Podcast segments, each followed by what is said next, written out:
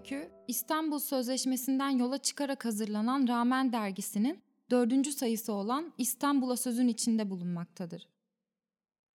Rosa Çok roman okurmuş annem. Herkes çocuğuna yakışacağı ismi koyarken benim annem yakıştırdığı yere koymuş beni. Sevgi Soysal hayranlığı sebebiyle adım Rosa koymuş. Türk adı gibi değil diyen kimseyi dinlememiş. Onun en sevdiği romanın kahramanıyım ben. Tante Rosa'nın Rosa'sıyım. Öyle hayallerdeki prenses ya da kahraman bir karakterin adı da değil üstelik. Hayatın ne romanlarda ne de filmlerde anlatıldığı gibi olmadığını hiçbir zaman unutmayayım diye Rosa olmuşum. Beni koruması gereken annem tarafından doğduğum anda gerçeğin ortasına atılmışım. İnsanlar bana zaten her zaman adımın dışında bir isim verecekmiş. Onun roman kahramanı kızıyken belki de karşımızda oturan Latife teyzenin ahlaklı olması gereken komşusu olacakmışım. Bana verilen diğer isimlerin altında ezilmek ya da dik durmak benim seçimim olacakmış. Hangi bulutun altında yürüyeceğime kendim karar vereyim diye Rosa olmuşum. Böyleydi işte. Adının anlamı ne diyen herkese bu cümlelerle kendimi anlatıyordum. Rosa koydum kızımın adını. Çünkü hayatta kalabilmesi için evini sırtında taşıması ve denemesi gerekiyordu. Ben onu belki de sadece doğurmuştum. Ona vereceğimden çok veremeyeceğim şeyler vardı. Bakmak ve büyütmek benim görevimdi ama kişiliğine ve hayatına ben sahip olamazdım. Anneler hep haklıdır derlerdi. Benim annem de haklı olmak istemişti. Çok prestijli bir okulda öğretmendi. Neşeli bir kadındı ama bazı akşamlar geldiğinde sanki okulun yatakhanesinin soğuk duvarlarını da beraberinde eve getirirdi. Hep merak ederdim.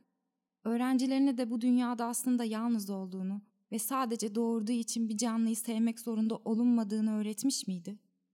Ve anneler hep haklı mıydı? Rosa büyüdükçe her şey bana daha zor geliyordu.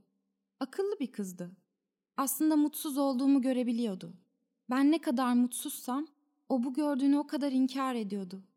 Sanki kızım değil de arkadaşımdı.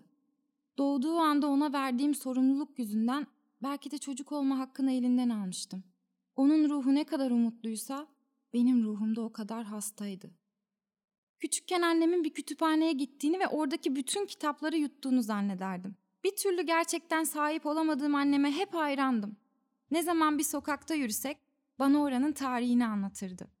Beyoğlu'nu aklımın içi gibi bilirdi. Ama ben ne Beyoğlu'nun sokaklarını ne de tarihini aklımda tutardım. Sadece attığımız adımları sayardım. Anneme birini sevmenin yolunu öğretilmediğini o yaşlarda bilmiyordum. Sevgi öğretilecek veya öğrenilecek bir şey miydi? Onu da bilmiyordum. En kötü özelliği bence sigara içmesiydi. O kadar çok içerdi ki evimizin kocaman pencereleri bile içerideki dumanı çıkarmaya yetmezdi. Elinde sigara varsa gözleri sokakta bir şeyler arıyor olurdu. Parmak arasında sanki sigarayı değil de manolyayı tutuyor olurdu. Onu tutuşundan incinmesinden korktuğunu düşünürdüm. O sigara içerken ben de hayal kurardım. Bence annem de manolya kadar hassastı ama kimse görmüyordu. İçerken ne kadar narin tutuyorsa bittiğinde de o kadar hınçla kül tablasına basardı. O anda bakışlarını hep üzerimde yakalardım. Sanki kurduğum hayalleri görürdü.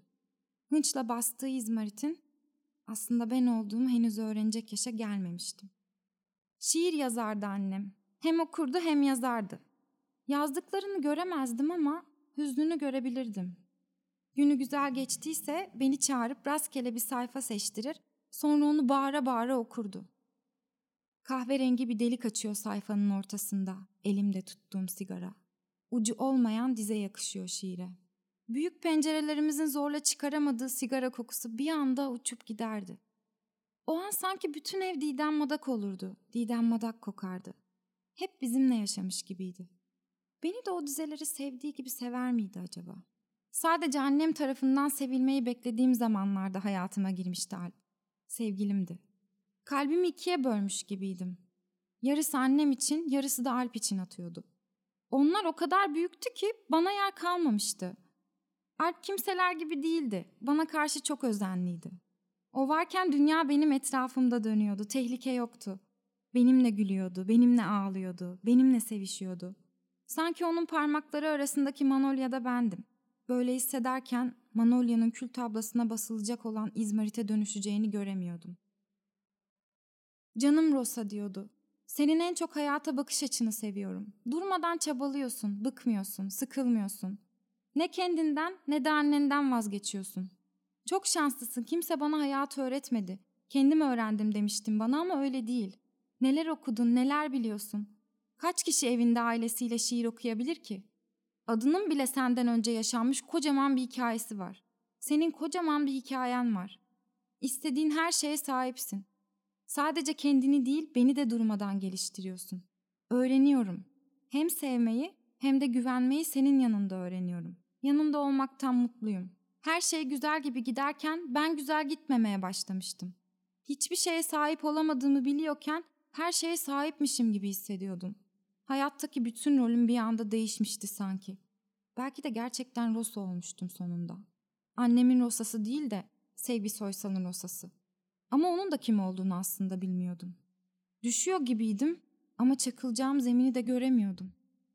Annem aynı annemdi de Alp biraz garipleşmişti. Başka bir ses tonu olduğunu o günlerde öğreniyordum. Yükseliyor ve azalmayı unutuyordu. Yanıtsız kaldığım diyaloglarımız oluyordu. Yanıtsız kaldıkça hırçınlaşıyordum. Hırçınlaştıkça saldırganlaşıyordum. Ne ben kendime benziyordum ne de o kendine benziyordu.